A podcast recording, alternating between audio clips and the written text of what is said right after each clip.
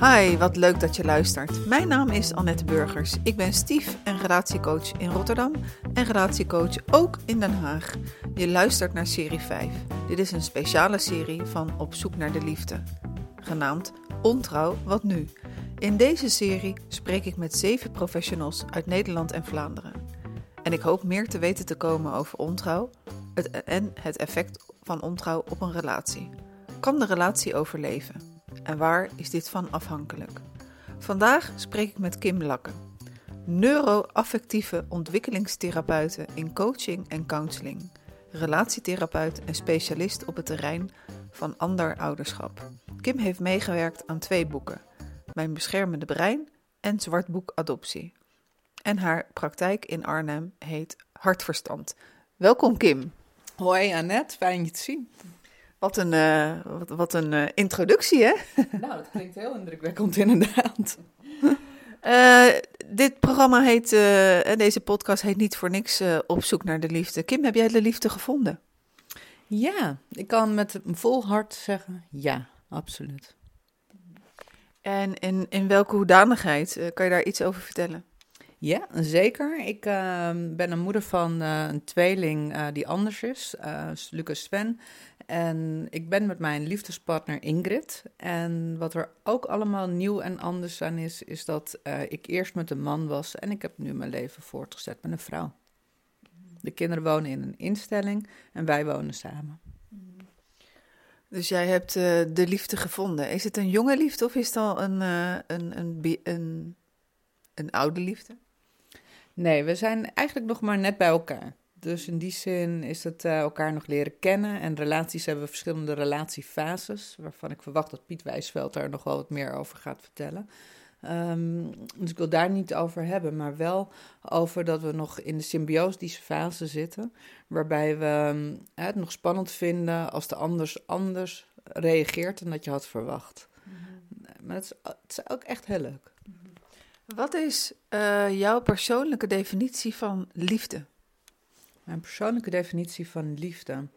Het is als een uh, stroom, een liefdestroom, waarbij je um, samen bent zonder je eigenheid te verliezen. Die heb ik ooit gehoord en denk, ja, die klopt wel voor mij. Die klopt. En dat is ook wat je nu voelt? Ja, zeker. Het is, je bent dus je eigen heelheid, je bent jezelf. En je kunt jezelf zijn in de relatie tot de ander. Ofwel, de relatie is als spiegel. En die ander spiegelt iets in jou. En iets in jou, in, in je authentieke ik. Nou, we hebben het toch over definities. Hè? Dus we gaan door naar de volgende definitie. Wat is volgens jou de definitie van ontrouw? Wauw, mooie vraag. Ontrouw. je hebt ontrouw in relaties waarbij je niet je afspraken nakomt die je hebt doorsproken. Of er is ontrouw van niet trouw zijn naar jezelf en niet dicht bij jezelf kunnen blijven. Daarin zit wel een verschil. En, uh, ja, ontrouw, wat nu? Dat is, dat is de titel. Dus uh, we beginnen met de ontrouw in de relaties. Welke vormen van ontrouw zijn er volgens jou? De vormen van ontrouw. Nou, je kan vreemd gaan met je werk, maar je kan ook uh, overspel spelen. En dat is echt vreemd gaan met een ander mens. En dat kan in overleg. Van nou, um, ik wil graag echt mezelf leren kennen, te, wie ik ben ten overstaande van die andere persoon. Die brengt iets anders in mij naar boven toe dan in de relatie komt. En dat kun je bespreekbaar maken in de relatie, wat natuurlijk voor heel veel onrust en um, spanning kan zorgen. En dat is dan een in gesprek zijn om ja, vreemd te kunnen gaan, is het dan eigenlijk niet meer, want het is bespreekbaar. En toch is het wel echt heel erg lastig om um, dat te doen. En vaker dan niet um, zeggen mensen het niet. Dus ze gaan wel vreemd. Dan heb je een intieme relatie met iemand anders, met emotionele betrokkenheid. Of er is alleen maar de seksualiteit. En dat vind ik ook nog wel een grote nuance. Mm-hmm. Wat maakt de nuance voor jou? Is het, het in, uh, in, is het ene erger dan het ander? Of uh, hoe bedoel je dat, de nuance? En dat is eigenlijk voor iedere relatie uh, verschillend. Wat ik, uh, wat ik ken vanuit de praktijk met name, is dat sommige vrouwen vinden het echt veel erger als de man emotioneel betrokken is bij de ander, de andere vrouw. En de andere vrouw zegt van ja, maar de, de seksualiteit vind ik echt verschrikkelijk. Als dat hoort bij mij, dat hebben wij samen, dat is van ons. En dus als ik voor mezelf spreek, dan denk ik dat de emotionele betrokkenheid bij een ander in die mate zou ik spannender vinden dan alleen het ene seksuele avontuurtje. Waarom eh, plegen mensen ontrouw, denk jij? Wat heb je tot nu toe van redenen kunnen analyseren? Nou, wat ik merk is dat um, bijvoorbeeld een behoefteverschil is in de hoeveelheid van uh, de seks, waarin de seksualiteit plaatsvindt. Dus de ene die heeft, vindt het prima om twee keer per maand samen te komen en de liefde te bedrijven. En de ander vindt het verschrikkelijk om uh, zo lang te moeten wachten. En dat is echt, die willen het liefst elke dag wel vrijen. En daarin kun je niet tot een win-win situatie komen. Dat zie ik uh, best wel regelmatig eigenlijk, het behoefte, behoefteverschil. En wat ik ook wel merk, is dat iemand um, behoefte heeft aan spelen of vrij zijn. En de ander heeft behoefte aan voorspelbaarheid. En um, ja, dat, dat komt dan niet tot samen in het moment. En dat kan ook uit elkaar toch bij je eigen behoefte blijven en te gaan voor die zelfexpressie, in, in je te voorzien in die behoefte. En ja, dat, dat, dat botst. Mm-hmm. Dus zeg je eigenlijk dan ook van, um, als je in een relatie zit uh, en de, je kan iets niet halen bij je partner, dan, dan, dan zijn er mensen die vreemd gaan om het te halen bij een andere partner, of om dat stukje van zichzelf te ontdekken bij een andere partner, omdat het niet kan in het kader van de huidige relatie? Ja, zeker, zeker. Uh, op welke manier ga jij als begeleider hiermee om? Van er, komt een, uh, een, een, koppel en uh, ze zitten voor je. En nou ja, stel, hè, de een heeft net ontdekt van de ander. Laten we het eens andersom doen. De man heeft net ontdekt dat de vrouw vreemd is gegaan. En de, de, de, boel, de boel is echt gigantisch ontploft. Ze weten niet wat ze willen. Maar uiteindelijk, hè, zonder dat ze, dat ze allebei zijn weggerend, hebben ze toch het besluit genomen om om naar jou als therapeut te gaan. Ja, wat gebeurt er dan met jou? Hmm. Wat gebeurt er dan met mij? Dan ga ik eerst langs mijn eigen normen en waarden. Dus hier het, kom ik langs mijn eigen morale kompas. En ik ken van binnen welke waarden zijn voor mij belangrijk. En dan gaan we langs de ethiek. En ik heb mezelf dan schoon te maken. Dat betekent dat ik eigenlijk oordeelloos en vanuit pure nieuwsgierigheid en oprechtheid ga kijken naar welke waarden hebben deze mens gedreven tot de situatie waar we nu in zitten. Dus daar, dat vraagt het van mij. En dan naar het koppel toe? Wat, wat zijn dan de, de stappen die je onderneemt? Nou, eerst ik zal het benoemen. Van, goh, weet je, weet dat ik oordeelloos naar deze situatie kijk. Dus ergens moeten we de psychologische veiligheid van ons alle drie um, moeten worden ingekaderd, worden gewaarborgd. En um, daarin zal ik dan benoemen van, goh, um, wat zijn jullie dromen? Wat willen jullie uit deze relatie halen? Noem eens drie echt waardegedreven verlangens wat jullie willen met deze relatie. Op het moment dat we drie doelen hebben waar we echt, ah, waar alle commitment op is, waar het hart bij betrokken is en hartveld, dan gaan we naar de volgende stap. En dat is toch exploreren van, goh, hoe kunnen we aandachtig luisteren naar partner, wat die uh, op zijn reis heeft meegemaakt en, of op haar reis heeft meegemaakt. En daarin moeten mensen worden uh, ja, geteacht, zou je kunnen zeggen. Geweldloze communicatie is bijvoorbeeld een, een manier om vanuit je gevoel en behoefte uh, te leren uitspreken. Maar dat, dat, mhm. dat, geeft dan borging en waarborging aan. En kijk, op het moment dat je dat iemand vreemd gaat uh, vanuit een bepaalde behoefte en die kan dat benoemen.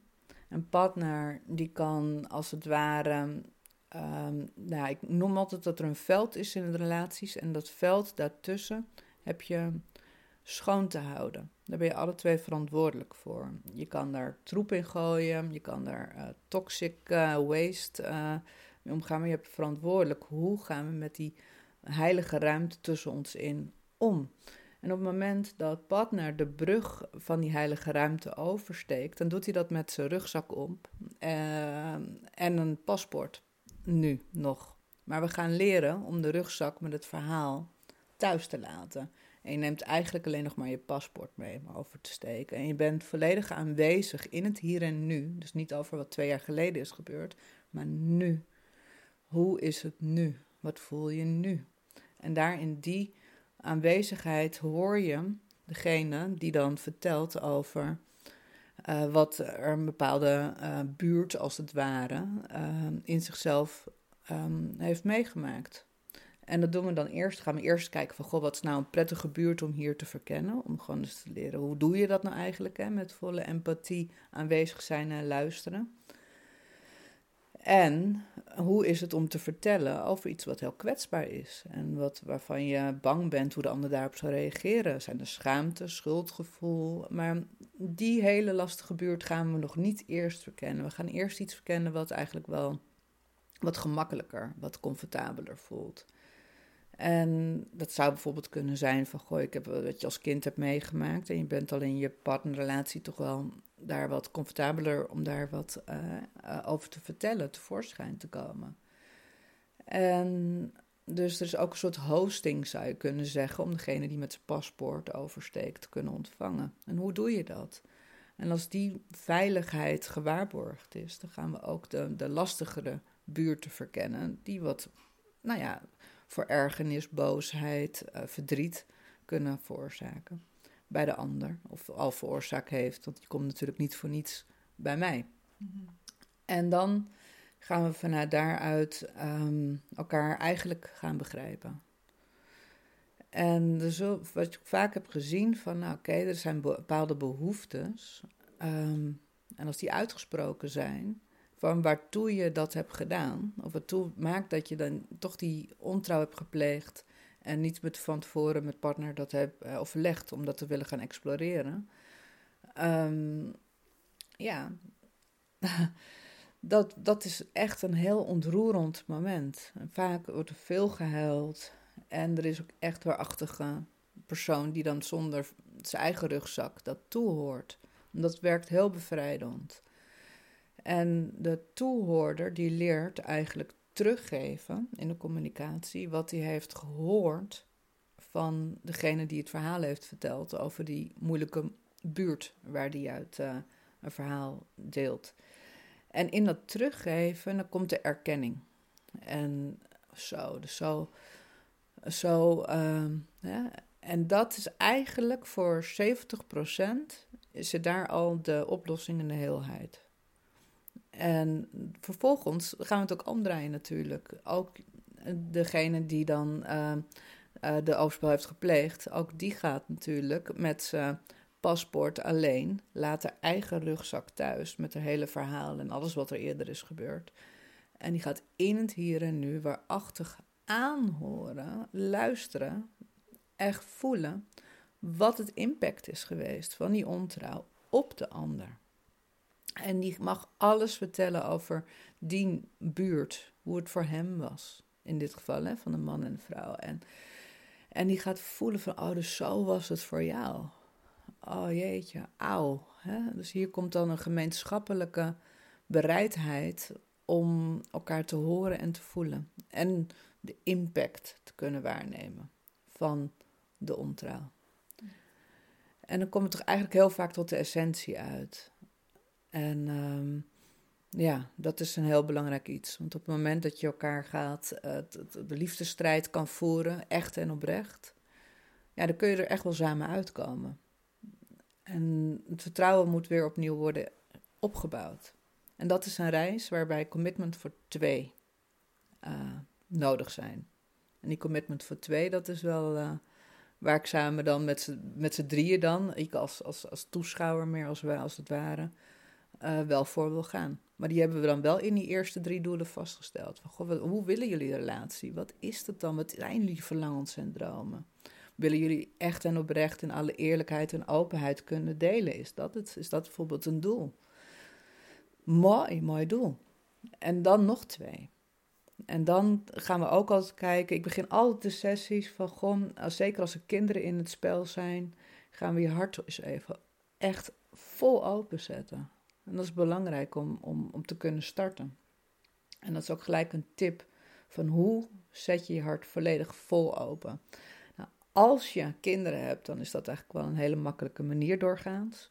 Is dat je naar een moment gaat terugdenken of foto's meeneemt van de kinderen. Ehm, en dan ga je ze vertellen over de kinderen. En in het moment dat, dat, dan een moeder dan, of de vader dan ziet vertellen over die kinderen, en dan zie je in de ogen de liefde komen. Je ziet het, je voelt het.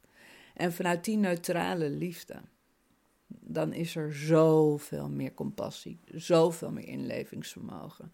En als je vanuit die liefdesenergie elkaar kunt horen, wat de voorwaarde is, en het toch weer over die paspoort dat je oversteekt, of die brug die je overgaat, dan hoor je toch anders dan vanuit uh, alleen maar de pijn. Als je vol in de pijn zit, dan is er geen nieuwsgierigheid. Er is niet een behoefte aan spelen. Alles is dan heel serieus. Ja, en dat is dan niet wat gaat helpen. Maar wel die pure, volle, open hart energie. Als je geen kinderen hebt, dan is het een fijn moment van vroeger. Of uh, iemand die je echt lief hebt, een vriendin of, of een hond. Hè? Dus iets waar je hart echt vol van open gaat. Uh, bedoel je dan ook dat, dat het iets is waarbij per individu ze de zorg dragen om hun eigen hart open te stellen of een hart open te stellen naar elkaar? Want ik kan me voorstellen dat er bij, uh, bij de een of bij de ander dat onbegrip is en nog boosheid. En dat dat mij in ieder geval zou belemmeren om mijn hart op dat moment open te kunnen stellen. Dus gaat het alleen open in het algemeen, je hart openstellen of specifiek naar de ander? Een mooie vraag. Nee. Ik denk dat ieders verantwoordelijkheid is om je hart schoon te houden en open te stellen. Maar ook ieders verantwoordelijkheid als een doosje hè, uh, op het een dekseltje. Dat je weet dat je dekseltje, hoe ver je hem open kan zetten. Ja, en af en toe zet je hem net even te, voor, te ver open en dan stoot je je neus en dan doe je dat dekseltje op, het, op dat harte doosje weer sneller dicht. Dus je bent de verantwoordelijkheid om hem open te stellen, precies zo ver als voor jou veilig voelt. Zodat je ook echt kan aannemen en kan geven. Dat zijn twee aparte kwaliteiten die eigenlijk één zijn. Maar dat is wel belangrijk, ja. Je hebt het over een paspoort. Wat bedoel je precies? Wat staat er in dat paspoort? nou, het paspoort staat je identiteit, um, je foto, maar voor de rest eigenlijk niks. Hè? Dus je neemt uh, een legitimatiebewijs mee, bij wijze van spreken, een rijbewijs. En een rijbewijs staan niet, geen punten op niks. En het gaat erover dat je eigen oordelen, je eigen verdriet, je eigen boosheid, alles even daar laat wat er eigenlijk in de rugzak thuis hoort. Mm-hmm. Ja, dus het olifantengeheugen laat je in ieder geval even thuis. Hè? Daar zijn wij vrouwen sowieso genoeg, heel erg goed in. Uh, Kim, uh, wat heeft uh, ontrouw en uh, hechting met elkaar te doen? Dat is natuurlijk ook weer een ehm, mooie vraag. Als je over veilig gehecht uh, bent, dan verwacht je eigenlijk een volwaardige relatie met respect voor elkaar, geborgenheid en liefde. Op het moment dat je de vermijdende gehechtheid kent, verwacht je eigenlijk niet dat partner echt oprecht is geïnteresseerd. Want je vermijdt het. Um, je vermijdt ook um, dat diegene er voor je zou kunnen zijn. Want je bent eigenlijk, heb je toch eigenlijk niet iemand nodig. En dus er zit een vermijding in de wederzijdse afhankelijkheid van die relatie. Op het moment dat je angstig ambivalent gehecht bent, um, dan zit daar vaak een, uh, een afhankelijke opstelling in naar partner. Dus de partner die is dan of alleen maar goed, hè, van oh, nou die kan het echt wel goed doen. Dus alles wat hij, wat hij of zij doet is eigenlijk wel goed. En um, daarin misken je je eigen behoeften of je eigen kracht of je eigen wil, misschien ook soms zelfs, die opgegeven wordt. Um, maar hier zit wel vaak de dader-slachtofferdynamiek heel sterk. Je zou kunnen zeggen, bij de vermijdende hechting ben je te veel uit elkaar en dan heb je te weinig communicatie. En te weinig verwachtingen dat je voor elkaar er kan zijn. En in de, de ambivalente, angstige gehechtheid zou je kunnen zeggen dat er een soort machtsverschil is. Dat kan komen door leeftijdsverschil, doordat de ene wel inkomen heeft en de ander niet. Um, het heeft, kan allerlei verschillende componenten in zich dragen. En dat, um, zodra er een verschil is in behoefte of een verschil in gelijkheid, gelijkwaardigheid, uh, dan doet dat wat met um, ja, de veiligheid en dus ook de mogelijkheden tot ontrouw. En op het moment dat je daar dan weer uit wil komen, uh, om daar weer met elkaar in gesprek over te kunnen gaan, dan is een bepaalde mate van een gezonde hechting wel uh, belangrijk. Om daar in ieder geval naartoe te werken als doel. Mm um, wat maakt dat. Uh, dat is natuurlijk. Uh, ik, ik, weet de cijfers niet hoor, maar ik denk dat uh, vreemdgaan. dat het wel een van de meest voorkomende redenen is dat de relaties uit elkaar gaan. Wat maakt dat de pijn die degene ervaart waarvan de ander is vreemd gegaan, dat die zo groot is dat. Ehm, dat eigenlijk een, heel, een, een hele relatie met alles wat hij wel heeft, uh, ja, op de helling gaat. Wat denk je? Mhm. Ja, het, heeft ergens met verraad te maken. Het gevoel van betrayal, het gevoel dat je uh, de ander denkt te kennen, uh, maar die gedraagt zich toch heel anders dan dat je dacht. Um, dat kan pijnlijk zijn. Wat ontzettend pijnlijk is, is dat je een bepaalde emotionele veiligheid ervaart die er dan niet blijkt te zijn. En dat verraad, dat, dat brengt uh, boosheid. Dat het gaat over, ja, maar zo doen wij dat niet. Hè? Dus er komt een, op van, ja, maar dat is niet de afspraak. En, en dat, dat vertrouw je niet meer. En ja, het heeft vaak te maken met bepaalde normen en waarden ook. Van je gaat echt over een grens van mij heen en hoe durf je? Ja, dat, doet, dat is echt dat is een wond die eigenlijk wonden van vroeger kan openen. Het is alsof uh, allemaal stapeltjes verdriet is ook zo'n term van, uh, van hem, ook een mooi boek over. En die stapeltjes verdriet is alsof dit verraad een eerder verraad oproept. En dan zit je zo per ongeluk maar in een oude kindpijn soms, die er wezenlijk toe doet. Dus het is niet van, oh, het is een oude kindpijn, dus daarom reageer ik nu met nog meer pijn op dit verraad. Uh, dat is gevaarlijk. Hè? Je kan het gaan bagatelliseren. Of zeggen van nu, maar ja, maar je reageert wel heel erg boos. Dat zie ik best wel vaak uh, gebeuren. Maar dat komt omdat je je kind ook al bent verraden door. Ja, zo, zo gaan we niet met elkaar communiceren natuurlijk. Het heeft te maken met behoefte aan respect. En, en op het moment dat het respect moet je weer verdienen. Hè? Respect komt niet uit de lucht vallen. Dat is door langdurig het nakomen van afspraken. Het heeft te maken met um, hoe kan je respect weer terugverdienen. Is dat als partner een vraag heeft, dat daar met respect op die vraag um, antwoord wordt gegeven. En op het moment dat iemand bijvoorbeeld een vermijdende hechting heeft, dan zal het natuurlijk al heel gauw liggen aan partner, omdat hij al eerder wat heeft meegemaakt dat nu wat overgevoelig zou reageren, bijvoorbeeld. En als je een angstig um, um, gehechtheid hebt, dan zou je kunnen zeggen van, goh, maar dit, dit kan je me niet aandoen, want eigenlijk zit ik nu op een existentieel uh, punt. Um, ik kan niet zonder jou. Dus eigenlijk heb ik nu geen enkele vorm van bestaansrecht meer, hè? want mijn bestaansrecht is de relatie met jou dan zijn er andere dynamieken waar ook nog in de relatietherapie aan gewerkt moet worden. Dus ja, we gaan over die pijn van het hier en nu zeker hebben zonder dat te bagatelliseren.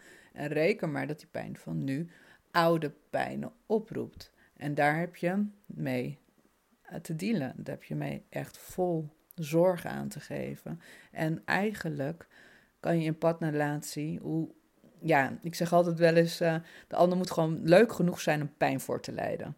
Want god, Simiki, je doet elkaar echt wel pijn in relaties. Echt waar, dat is wat we doen.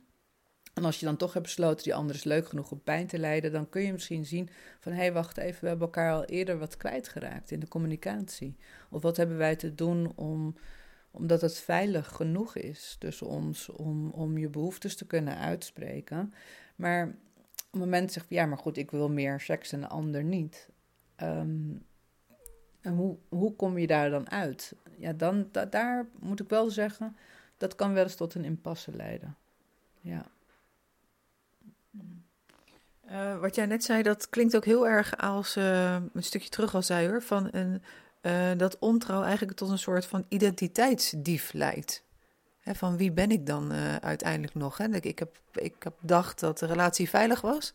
Maar blijkbaar heb ik me ook heel erg goed vergist en ben ik mezelf hierin kwijtgeraakt.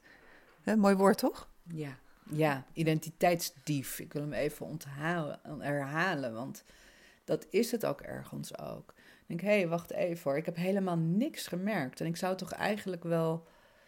Ik ben toch eigenlijk wel een persoon die dat dan doorheeft... dat mijn partner zoiets zou doen.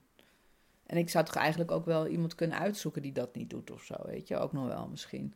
En, um, en ook van, nou, ik, ik ben, hè, ik heb, ben, ik, ik heb, ik heb een, ben zo ontzettend boos geworden op het verraad. Dat ik uh, nou, het, het, met deuren ben gaan smijten en het servies is, uh, ligt op de grond. En ik ken mezelf helemaal niet met die woede. Ik schrik van mezelf. En, en wat ik heel vaak zie in, in relaties is dat de psychologische veiligheid voor zichzelf ook weer opnieuw moet worden uitgevonden. Oh, dus ik kan dus echt wel iemand met. Terwijl ik eigenlijk voorheen had ik wel een oordeel op van nou, je gaat toch niet met servies gooien en zo, dat is zonde. En dan nu doe ik het zelf, weet je. Dus je moet ook je. En het moment dat je zo pijnlijk geraakt bent, um, hoe gedraag ik mij dan? vind ik mezelf dan nog wel oké in mijn gedragingen als ik pijnlijk geraakt ben? En dan komt de criticus, komt de criticus op zichzelf, criticus op de ander. En nou ja, je gaat door vele, vele lagen van uh, bewustzijn heen. Je zou kunnen zeggen dat voor ontrouwe relaties toch wel eens een oppervlakkig bewustzijn kunnen zitten. Dan komt er vol bewustzijn. En een mooi doel om aan te werken is dat je met, met z'n allen gaat werken aan een helder bewustzijn. Van wie ben ik, wat voel ik, wat wil ik, wie is de ander. En dat kan natuurlijk ook weer veranderen. Ja, en uh, wat, waar moet in feite in de situatie van ontrouw rouw opgenomen worden? Zo. Nou, ik heb het altijd graag over rouw. Ik denk dat dat verdriet hebben over het verlies van verwachtingen, bijvoorbeeld, uh, heel belangrijk is. En het is niet altijd geleerd aan een overlijden. En dus ergens de rouw die genomen moet worden op dat er een bepaalde soort veiligheid was. En die is er nu niet. Het is eigenlijk. Um, soms zie je ook wel eens in relaties dat je dan toch als een soort van uh, prins en prinsessen gedrag, waarbij je dan denkt van nou de ander, je moet compleet veilig zijn voor mij. Uh, want dan, um, ja, een plaatje wat ze eigenlijk hebben geplakt op partner. En dat plaatje, dat klopt dan niet met de werkelijkheid. Want de werkelijkheid is dat de partner ook wel eens heel spannend kan zijn en, en ja, en eigenlijk helemaal niet zo veilig en noem maar op. En dan komen die ogen, die, die ogenschellen, die vallen af. En ja, dat is um, wel een uitdaging. Even kijken wat precies je vraag ook alweer was. Wat, wat, uh, wat was je vraag precies? Nou, waar moet in de situatie van ontrouw rouw opgenomen worden? Ja, over, de pla over het plaatje wat je hebt van de ander. En dan kan ik me zo voorstellen dat, uh, van, nou ja, stel ik, ik ben cliënt in jouw praktijk en wij gaan hier helemaal doorheen. Dat ik helemaal op dat moment overtuigd ben van ja, weet je, dit moet ik anders doen. Ik zie het verdriet bij mijn partner. Uh, maar dan gaan we de drempel van de deur over. En we komen de verleidingen van het leven tegen. Wat moet er wezenlijk veranderd zijn om niet weer de ezel te zijn die dezelfde fout maakt? Mooie vraag, mooie vraag. Nou, dit gaat ergens ook over um, weten wat jouw gedrag heeft voor impact op de ander. Dus het is alsof een tweejarige eigenlijk dan uh, nog uh, toch nog de taartje opeet, terwijl moeder de kamer uh, uitloopt. Um, hè, terwijl het de moeder de taartje is. Dat is mij regelmatig overkomen met mijn kinderen. En uh, die voelen dan zich toch wel enigszins schuldig, zeg maar, door het taartje op te eten. Maar ze doen het toch. En ergens vraagt dat ook wat ja, de volwassenen in jou als mens. Van, goh, weet, als ik dit doe, dan heeft een ander mens hier last van. Is het dat me waard? Mm-hmm. Is het me waard om dat te doen? En ja, dat vraagt toch eigenlijk wel echt een heel helder bewustzijn. Mm-hmm. Ja, dat heldere bewustzijn is, uh, is een uitdaging, denk ik, als je ervan uitgaat van...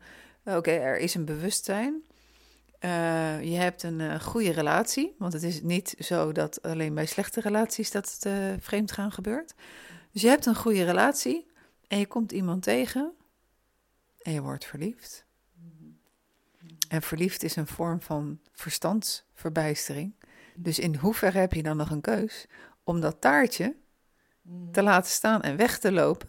Of is het dan uiteindelijk zoiets van, ja, ik, ik, ik wil het taartje laten liggen echt, echt, tot in het diepst van mijn ziel wil ik dat taartje laten liggen. Maar ik kan het niet.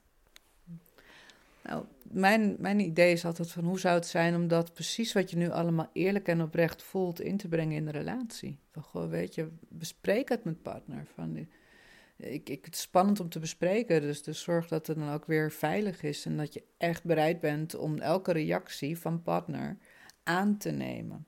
Dus oké, ik ben verliefd, breng het in de relatie. En, en misschien, weet je, kan, kan, wel, kan partner daar een hele verrassende reactie op geven. Zeg ze, oh jeetje, wat, wat leuk voor je, wat een fijn gevoel. Het zou zomaar een reactie kunnen zijn, hè? En uh, nou, een beetje flirten van, ah ja, die flirt wel vaker met de verpleegster of zo. Hè, als hij in het ziekenhuis ligt. En dat, dat, kan, daar kan je echt heel fijn en grappig en leuk ook met elkaar in conversatie over zijn. Weten dat jij en de ander bereid zijn om samen oud te worden. Er zit een commitment van, ja, oké, ja. En het is spannend. Dat, dat ze ook kan voelen, ook dat haar reactie ook kan zijn van... Goh, ik merk dat ik dat heel spannend vind. Want ik wil heel graag met jou samen oud worden. En wat betekent dat dan, die verliefdheid van jou? Dus mijn, mijn vraag is altijd... Wat staat je in de weg om het in te brengen in de relatie? Want op het moment dat er iets in de weg staat om dat, om dat in te brengen, dan is dat waar het onderzoek uh, plaats mag vinden. Want het verliefd zijn stoppen, of dat, dat, dat is er of dat is er niet. En dat, ja, de vraag is van mag het er zijn? Mhm. Ja. Wat merk jij uh, van de antwoorden van wat er dan in de weg staat om het te vertellen? Nou, spannend, de reactie van partner ja, maar dan wordt ze hartstikke boos. Of dan wordt hij hartstikke boos. Mhm. En ja, daar heb ik eigenlijk geen, uh, geen zin in. Is eigenlijk niet wat ik hoor. Um, dat zou nog een beetje de gemakzucht zijn. Maar wat ik wel hoor, is dat het heel spannend is om dat te zeggen. Want je eigenlijk ook de ander niet kwetsen. En dan heb je verschillende soorten collusies waarbij je in een, in de relatie kan zitten. Bijvoorbeeld een zorgcollusie. En een zorgcollusie is dat je, we hebben afgesproken dat we voor elkaar zorgen en lief zijn. En dat we elkaar geen pijn doen. Maar ja, dat is een collusie die eh, ja, niet stand houdt op het moment dat je toch wel verliefd wordt op een ander. Want ja, dat is heel spannend. En hoe ga je er dan mee om? Dat is dan de vraag. En als je zegt, nou, ik moet de ander beschermen, als er afhankelijkheid uh, uh, in zit, een afhankelijkheid uh, van ehm, de angstige ambivalente partner bijvoorbeeld, ja, dan zul je merken dat de andere partner daar toch wel heel erg van ja, maar ik wil de, de partner niet kwetsen en daarom vertel ik het niet. En nou ja, dat heb je dan toch te laten bij die persoon als besluit. Mhm. Tenzij de persoon zelf iets van ja, maar eigenlijk wil ik alles kunnen bespreken en alles tussen aanhalingstekens. Uh, in de relatie, dat is voor mij een waarde.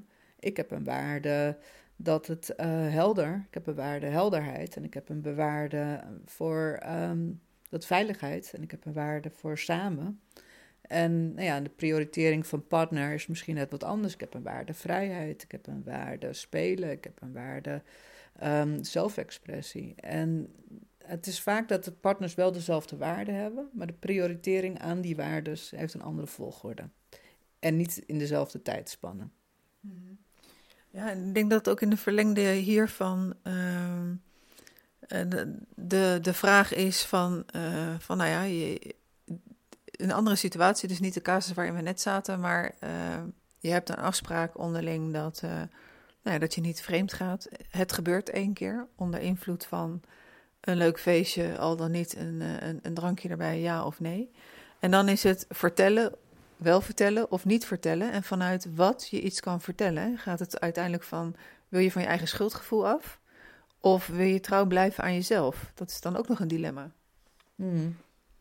Ja, nou ja de, de, schuldgevoel over het algemeen. Um, het risico is dat mensen die zich schuldig voelen, um, die, um, als je te veel schuldig gaat voelen, dan vertrek je.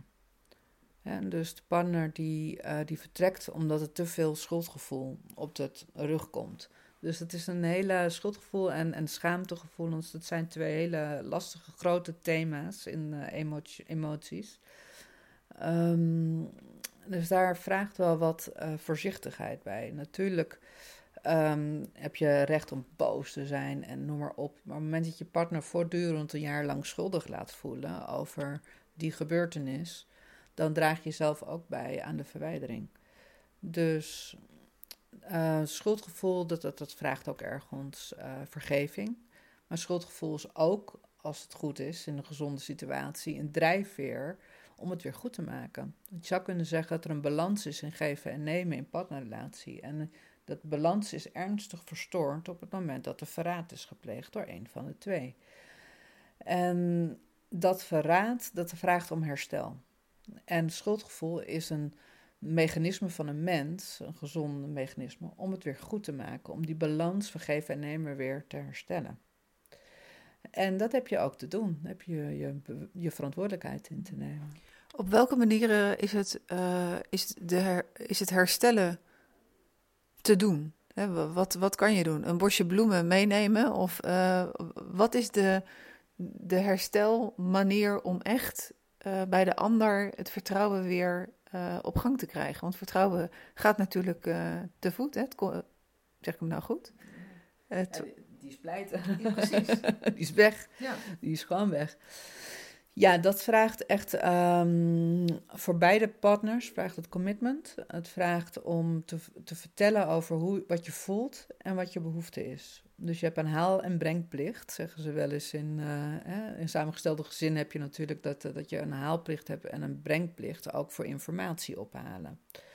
Maar op het moment dat partner die dan echt um, verraden is, zou je kunnen zeggen, moet altijd oppassen dat je hier niet in dader-slachtofferdynamiek terechtkomt en daaruit blijft. Um, maar op het moment dat, dat, dat die, oh, heeft namelijk te leren, het slachtoffer heeft te leren om te zich uit te spreken hoe het zich voelt en wat de behoefte is. Want om, om namelijk om het voor het herstel is de ander zeer genegen, 99 van 100 keer, om te geven wat partner wil. Um, maar dan moest het wel aangeven. Ja, maar hij is slecht en hij heeft het verkeerd gedaan. En um, hij moet het gewoon maar, nu we vertrouwen hebben terug te winnen, dan moet hij zelf kunnen bedenken. Nee, dat is dus niet zo. Nee, je hebt ook uit te spreken wat je behoefte is.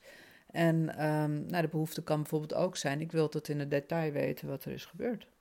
En dan zeg ik weer op die mooie techniek van laat je rugtags thuis en leen je legitimatiebewijs mee. Reis naar de overkant. Um, stel vanuit daaruit die vraag hè, uh, van, van goh, ik wil weten wat er allemaal is gebeurd. En dat partner dan ook daarin de verantwoordelijkheid neemt om het te geven. Oké. En, en dat is heel lastig. En het doet zeer. Maar soms, als de dan is de partner de behoefte is dan helderheid. Ik heb behoefte aan helderheid. En de partner zegt, ja, maar ik voel het echt ongemakkelijk om erover te vertellen. En jeetje, hé, hey, uh, uh, dat is echt, uh, ik schaam me nog zo erover. En, en het is ook iets van mij. Het is ook iets van mijn gebeurtenis. En en zegt partner, ja, maar ik heb echt behoefte aan delen, aan samen. Ja, en ik heb behoefte aan ruimte. Dus komt er een conflict eigenlijk hè, in mhm. behoefteverschillen. Maar vaak is in de, in, de, in de coaching nog helemaal niet dat bewustzijn waarbij je kan zeggen: Dit is mijn behoefte. Dus veel sessies gaan over: wat voel ik, wat is mijn behoefte. En als je het kan uitspreken, dan is partner eigenlijk altijd wel geneigd om die behoefte wel te vervullen. Mhm. Mooi. Kim, we leven anno 2020 eh, waarbij uh, heel veel relaties eindigen in scheidingen. Waarbij ook drie op de vijf samengestelde gezinnen binnen vijf jaar het niet redt. Waarbij volop vreemd gegaan wordt. Waarbij kinderen geconfronteerd worden met, ehm, ja, met, met in eerste instantie een scheiding. Daar al door getraumatiseerd raken. Dan gaan de ouders nieuwe partners zoeken. En dan kan dat weer leiden tot, tot een scheiding. Um, ja, hoe zie jij uh, het instituut huwelijk en het instituut relatie op dit moment in Nederland? Zo, nou dat is een, een ingewikkelde vraag. Jeetje, hoe zie ik het nu? Nou, ik, ik denk, ik, ik maak me daar een beetje zorgen over. we komen ergens vanuit een. Uh, de, de, de, het gezin is de hoeksteen van de samenleving, zei Wim dan. En dat was een tijd geleden. En we hebben natuurlijk ook de Dolomina's gehad met baas in eigen buik. En, en ja, dus, en nu zijn we in een soort systeem waarvan we zeggen van in de relatie leren we eigenlijk onszelf kennen. De relatie gaat ook echt over persoonlijke groei. En in die persoonlijke groei is het belangrijk dat je ieder zijn eigen identiteit ten volle tot bloei komt, als het ware. En nu gaat de relatie, wat mij betreft, veel meer over: kun jij de hoeder zijn voor de anders persoonlijke groei? En een hoeder is een soort um, betrokken, een betrokkenheid. En um, dat is toch wezenlijk anders, waarbij de vroeger dan zegt van nou oké, de een zorgt voor het huishouden en de kinderen en de ander gaat werken en komt weer thuis. En daar was een soort gelijkwaardigheid in de taken die uitgevoerd werden. En er was vaak veelal de vrouw die dan over de, het huishoudelijk boekje zorgde. En de man die bracht dan het geld in het laadje. En nu is er, is gelijkwaardigheid. Vrouw die verdient uh, nog steeds niet net zoveel, helaas trouwens. Maar mm, daar zijn we naartoe op weg. Dus de gelijkwaardigheid is er veel meer. Maar dat betekent ook dat er veel meer oh ja, onafhankelijkheid is. En daar moeten we allemaal echt heel erg alert op zijn. Is dat wij mensen wel degelijk heel erg afhankelijk zijn van elkaar. En die kwetsbaarheid, die intimiteit van ik heb een goed leven in, met jou, dankzij jou, dankzij wie jij bent. En de hoeder kunnen zijn voor ieders levenspad. Dat is denk ik waar we nu de relaties anno nu voor staan. Dat is wezenlijk anders. Heb jij nog zelf iets te leren met betrekking tot relaties? Ja, zeker, zeker. Ik zeg altijd van ja, de yoga-teachers die hebben het goed, want die geven zelf de teaching en die ondergaan het dan zelf ook zo vaak. Maar mm, op het moment dat het echt spannend is en dat ik echt pijnlijk geraakt ben door het gedrag van de ander, om dan nog ehm, te kunnen voelen van hé, hey, wat voel ik en wat wil ik? Wat zijn mijn behoeften hierin? Um, ik denk dat dat wel een, uitdaging is tot, tot uh, de rest van mijn leven. En ik ben, uh, mijn uitspraak zal, is, ik ben voor een trauma geïnformeerde maatschappij. En dat betekent dat je elkaar begrijpt. En behoeft elkaar, elkaar werkelijk willen begrijpen. En daarin denk ik ook altijd, de ander heeft geen slechte intentie. Dat we dat kunnen onthouden met z'n allen. Um, is dat het gedrag komt voort uit iets, altijd. En de intentie waarmee we naar ons beste kunnen op dit moment elkaar kunnen ontmoeten, dat de intentie na 99 van 100 keer goed is. Dat we dat met elkaar kunnen onthouden. Ik vind dat een prachtige volzin om hiermee te eindigen. Ontzettend bedankt, Kim. Ik heb ontzettend uh, veel geleerd van je. En ik vond het een heel prettig gesprek. Ik denk dat ik nog een uur met je door kan praten, maar dan, uh, dan haakt de luisteraar af. Dus heel erg bedankt. Nou, heel graag gedaan. En uh, nou, wees lief voor elkaar. Je luisterde naar Kim Lakke. Wil je reageren op dit verhaal? Stuur me dan een mail naar annette.stiefgoed.nl of laat heel graag een recensie achter. Dankjewel Kim en dankjewel jij voor het luisteren. Over twee weken is er weer een nieuwe aflevering van Ontrouw. Wat nu? Ik hoop dat je dan ook weer luistert.